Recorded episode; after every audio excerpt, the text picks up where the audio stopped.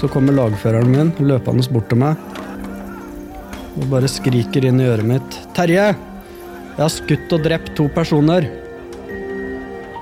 Ja, det er mottatt, sier jeg. Våre historier, en podkastserie fra Forsvaret.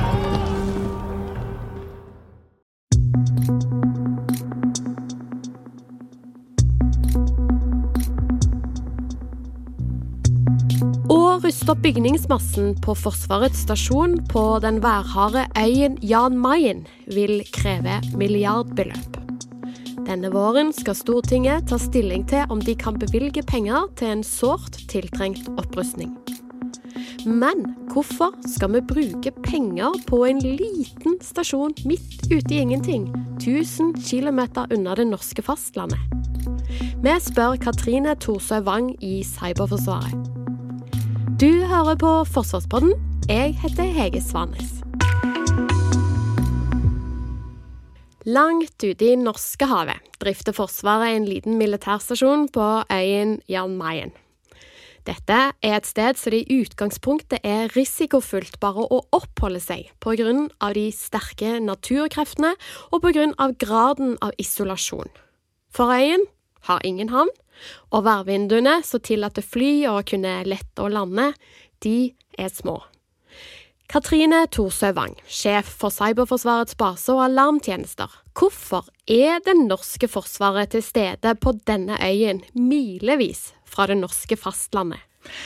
Jeg tror det viktigste er strategiske plasseringen av Jan Mayen. Det ligger sånn til at det, det, har, er, det har, fått en større og større betydning. Eh, også med de klimaendringene vi ser, med større, større, kamp om ressurser, om handelsruter, og det sikkerhetspolitiske bildet har endra seg såpass at eh, det er en strategisk viktig plassering på Jan Mayen som gjør at det er viktig at vi ivaretar det norske bosetting der, og at vi sørger for at det er norsk. Når du sier norsk bosetting eh, der ute, hva, hva, du i, hva mener du med det? Det at vi er no norske myndigheter oppholder seg der. Så stasjonssjefen som er, eh, som er på Jan Mayen, er jo norske myndigheters representant på Jan Mayen. Både på vegne av uh, Forsvaret, men også for statsforvalteren i Nordland og, politimesteren i Nordland. Fordi at uh, Jan Mayen ligger under Nordland sånn administrativt. Så rent konkret, da, hva, hva, hva blir oppgavene som de som er på Jan Mayen eh, og drifter stasjonen, hva blir oppgavene deres eh, å utføre det? I det daglige så ligger det i det å være der. Uh, og med å være der, så, så trenger vi jo det, et lite samfunn der som kan støtte opp om de 17 som er der. Sånn helt konkret arbeidsoppgaver i det daglige, så er det å drifte stasjonen der. Det å, uh, som er både bygninger, flyplass uh, og all infrastruktur som er på øya. Men det er også å sørge for å støtte andre aktører hvor Jan Mayen er viktig for. Det er Meteorologisk institutt. Fordi at Jan Mayen ligger sånn til at det er veldig mye vær som lages der. Eh, og det vil si at det har mye å si for norsk fiskeri, for norsk eh, sjøfart eh, og for kysten, den lange kystlinja vår, at vi har tidlig varsling på hvordan været blir. Den ligger sånn til at varme og kalde havmasser møtes akkurat der, så det er mye vær. I tillegg så er den viktig i forhold til satellittnavigasjon. Egnos og Galileo er en del av et europeisk navigasjonssystem som er plassert på Jan Mayen. Eh, det er eh, viktig for seismisk måling. Det er målestasjoner der både i forbindelse med jordskjelvforskning og jordskjelvmåling, men også tilknyttet prøvestansavtalen. Hva er prøvestans? Hva, legger, hva er det? Prøvestansavtalen er eh, en avtale hvor man skulle stanse prøvesprenging av atomvåpen. Og det er en del seismiske målinger rundt omkring i verden, bl.a. på Jan Mayen, som er med på å detektere hvis det er brudd på denne avtalen. Så rett og slett en slags kontrollfunksjon, da. Ja. Eh, og nå er det jo et økt fokus på dette området på flere måter. Det er jo en havbunn med noen sjeldne mineraler eh, som regjeringen nå forsiktig åpner for, eh, i hvert fall å utrede for muligheten for utvinning. Um, men også i forsvarssammenheng så er dette et område med økt fokus. Eh, I høst så var jo forsvarsministeren og forsvarssjefen på besøk der oppe. Og, og eh, nå skal det trekkes en fiberkabel ut til Jan Mayen. Hvorfor, har, hvorfor er dette økte fokuset på dette området kommet til disse siste årene? Eh, når det gjelder det sikkerhetspolitiske, så er det ingen tvil om at eh, den forholdet vårt til Russland og Kina er blitt mer anstrengt. Eh, og det sammen med de klimatiske endringene som også har gjort at Kina og Russland er mye mer interessert og er svært aktivt til stede i arktiske områdene, gjør at vår tilstedeværelse blir også desto viktigere. Og så er det viktig i forhold til vårt medlemskap i Nato at vi også holder våre områder Eh, norske. Fordi at eh, det er ikke kunstig for noen at eh, vi får andre som har tilholdssted i våre hav, havområder. Mm. Um, du har vært der ute selv. Uh, kan du ikke beskrive litt hvordan det ser ut der ute? Bygningene og bygningsmassen. Eh, for bygningene er fra 60-tallet. Eh, hvordan ser det ut der ute nå? Hele Jan Mayen er jo et naturvernområde. bortsett fra de få små områdene vi har som er våre driftsområder som er to steder på øya i tillegg til flyplassen. Eh, der har vi en bygningsmasse som ble bygd eh, rundt 1960 og skulle stå i ti år. Eh, så det er dekt med bølgeblikkplater, grå bølgeblikkplater, og er enetasjes bygninger som står på påler.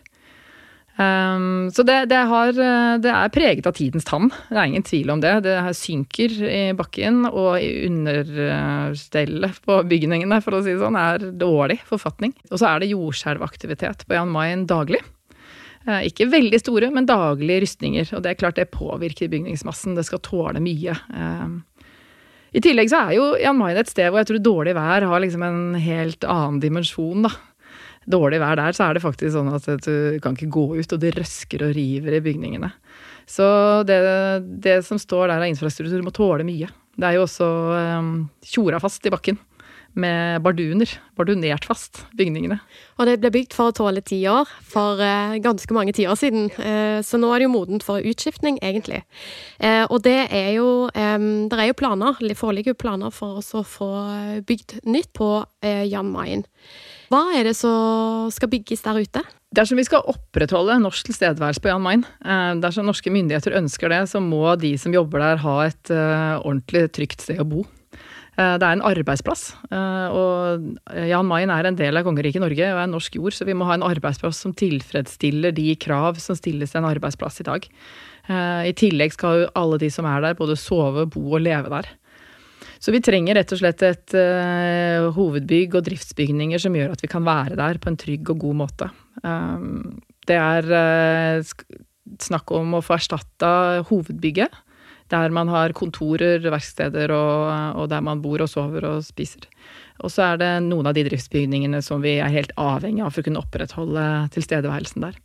Og så er det jo tidlig i byggefasen, for å si det sånn, så noen konkrete summer er jo ikke på bordet ennå, men det er snakk om beløp oppe i milliardklassen. Hvorfor er det så dyrt, og hvorfor, det, hvorfor må det koste så mye der ute? Grunnen til at det blir så dyrt at man snakker opp i de summene der, er ikke fordi vi ønsker oss noe ekstravagant på noen måte, men det finnes ingenting på Jan Mayen, så alt må fraktes dit. Så det er vel, eh, jeg vil tro, en av de største logistikkoperasjonene man har gjort noensinne. Det er 1000 km fra land, det er ikke noe byggmakker der, det er ingen kraner, det er ikke noe sted å kjøpe spiker, så alt må fraktes dit.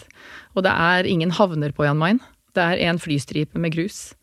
Sånn at det, det er en krevende logistikkoperasjon. Og fordi at det er naturvernområde, og fordi det er såpass skjør natur som det er, eh, selv om vi har våre driftsområder, så skal alt fjernes. Alt må tas til fastland igjen eh, av det som skal rives. Hver eneste spiker skal ned igjen. Så det, det er klart at bare logistikken eh, tar en stor del av den summen. Og på hvilken måte får dere frakt opp utstyr, materiell og folk til å bygge? Vi må ha båter og fly, da. Eh, men det er klart at mye av det her må gå med langgangsfartøy. Kan du forklare hva langgangsfartøy er? Langgangsfartøy er et fartøy som man kan ta inn på de sandstrendene, og ha så langt inn at man kan frakte det som er av eh, gods rett inn på land da, med lastebiler. Det er uh, mange som har lurt på hvorfor det ikke havner på Jan Mayen, men det er altså så hardt vær at sjøen ville ha revet det i biter veldig fort. Så det er, ikke, det er ikke særlig aktuelt å bygge en havn der heller. Så det må inn med langgangsfartøyer og flåter. Det som vi skal ha til øya og ut igjen. Er det sånn at man da må, når man skal bygge dette bygget, eh, hovedbygget, må man da planlegge ut ifra vær, vind, eh, årstider? Er det noen årstider det ikke går an å bygge i, eller det, hvordan blir det? Ja, det er det som gjør det veldig krevende. Sånn at hvis vi får eh, godkjenning i Stortinget den våren i år, altså 2024, så kan man se for seg at bygget kan stå klart i 2027 eh, tidligst. Og det er fordi at det er et så kort vindu på Jan Mayen hvor det går an å bygge. Eh, fra juni-juli til september, kanskje oktober. Og utover den perioden der så er det ikke mulig å drive og bygge utendørs der oppe pga. været. Og vi får ikke landa fly heller på en del av vårparten pga. smelting og pga. fugl. Eh, men spesielt pga. været. Pga. smelting og pga. fugl? Ja, det er så stor fugleaktivitet at da kan vi ikke fly fly inn der. Eh, så, men da kan man selvfølgelig komme inn med båter. Men det er altså så mye vær og så mye smelting at det, det, er en, eh, det, er en, veldig kort byggeperiode. Og det er jo det som er krevende for oss å være der i til daglig òg, det er jo at vedlikeholdsperioden og perioden vi kan få gjort vedlikehold og jobbet ute, er veldig, veldig kort. Og da er det, ikke man, det er ikke da man har lyst til å gå tom for spiker eller skruer? Nei, det er akkurat det. Eh, med det klimaet som er der ute, vindforholdene, eh, er det vanskelig å rekruttere folk til jobbene på Jan Mayen? Det avhenger litt av uh, hva slags yrkeskategori, men jevnt over så er, har vi en grei søkermasse. Si litt om disse yrkeskategoriene som er der ute, da.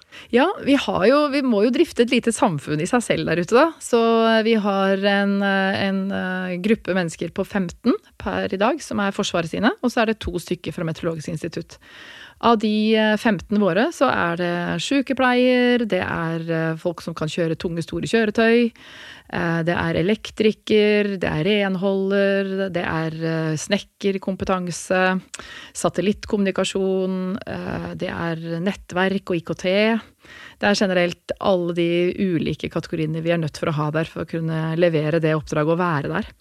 Jeg vil litt tilbake igjen til været eller klima, um, og landskapet der ute, som både er fengslende, fantastisk vakkert, men som også kan være en trussel eller en risiko. Um, for det er jo sånn at de som søker seg ut til Jan Mayen, uh, de kommer jo til et uh, naturvernområde og en ganske sånn barsk uh, klimasituasjon, eller natur.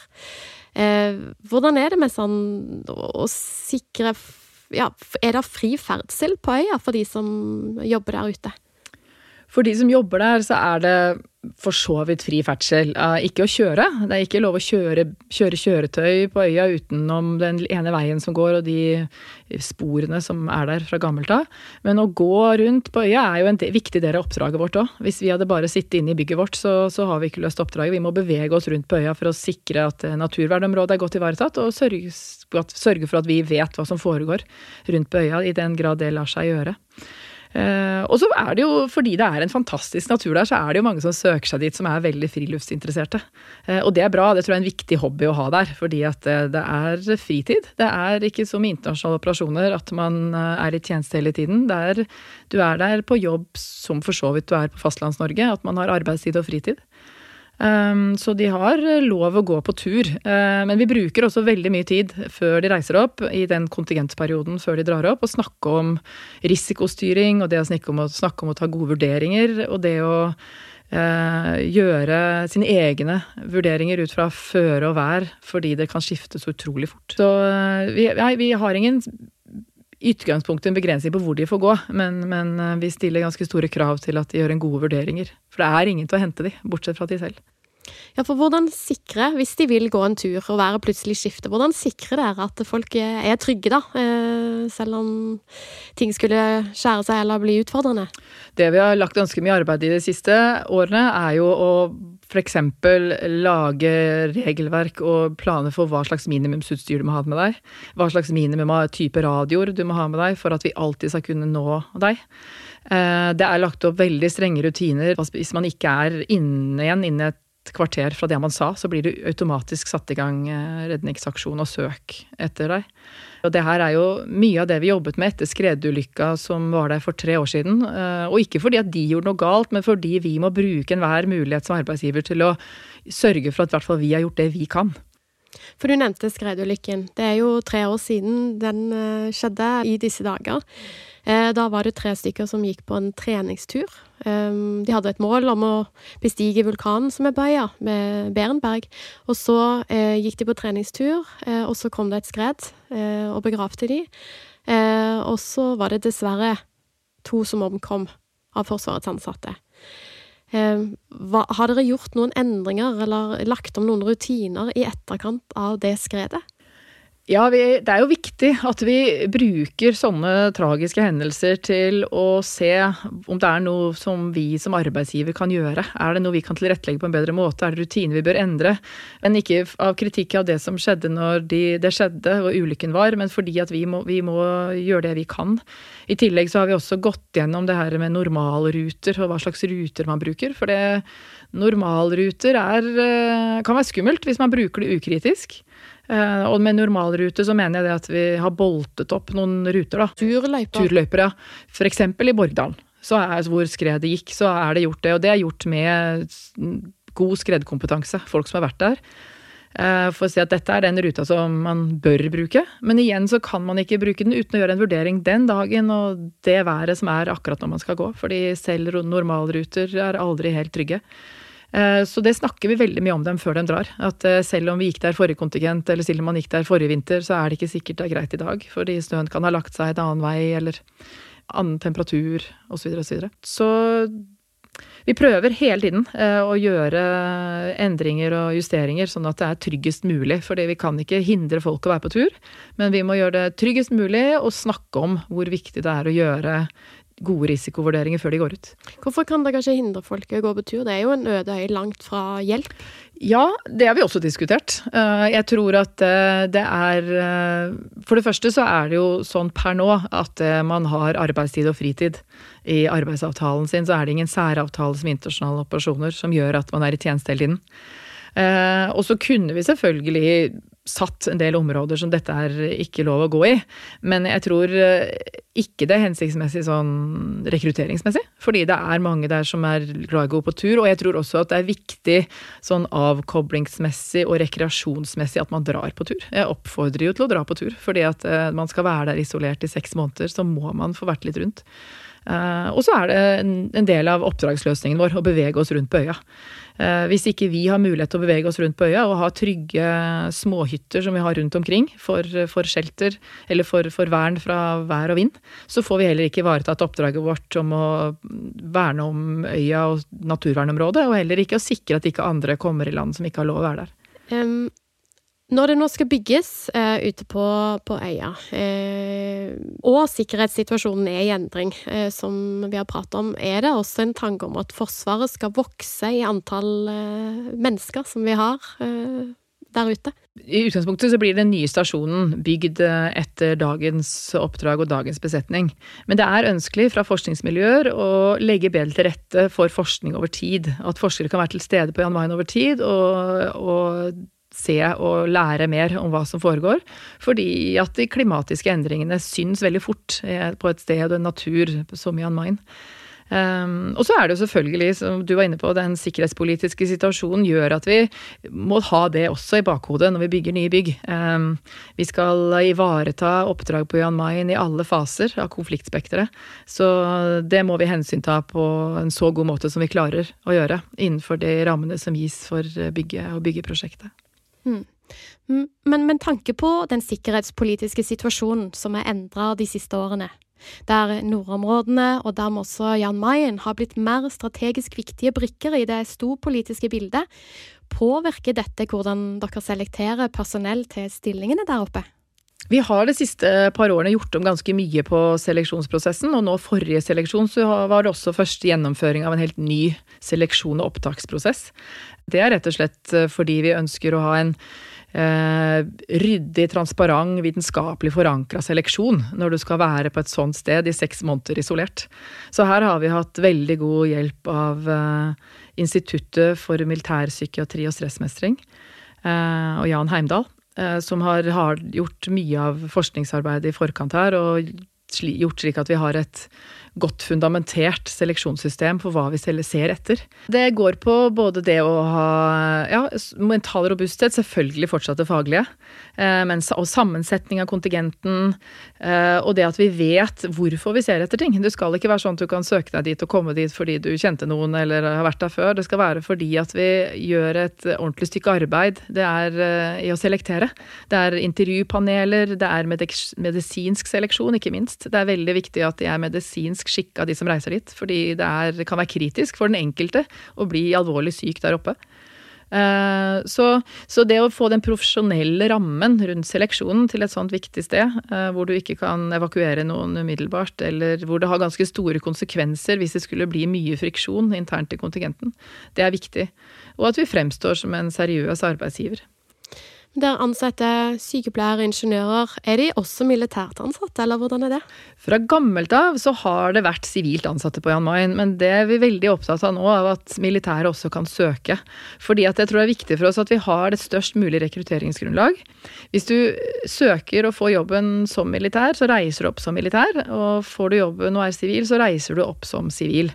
Uh, og det er viktig for oss fordi at vi ønsker jo den best mulige eh, kvalifiserte til jobben. Eh, og samtidig så ser vi at det også er store fordeler eh, med å ha flere militære til stede i kontingenten. Hvorfor er det en fordel? Det er en fordel i daglige er det en fordel rett og slett fordi at man kjenner bedre til Forsvarets systemer på alt av innkjøpsrutiner og praktiske ting. Men det er også selvfølgelig fordi at vi har et oppdrag som er eh, mer og mer retta mot det militære tilstedeværelsen. Um, og som kan også ha en uh, større har, Som vil også da vil ha mer kompetanse på den delen av, av oppdraget.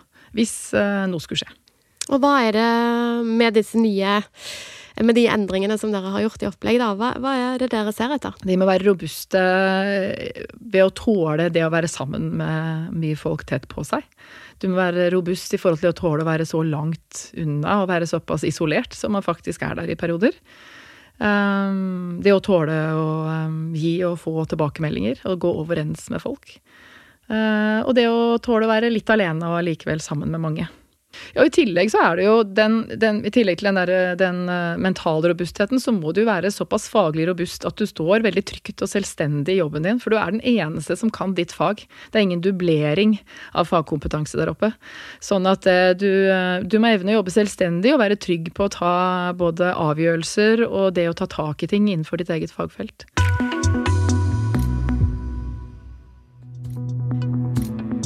Innen sommeren så skal altså Stortinget behandle søknaden om penger til nye stasjonsbygninger på Jan Mayen.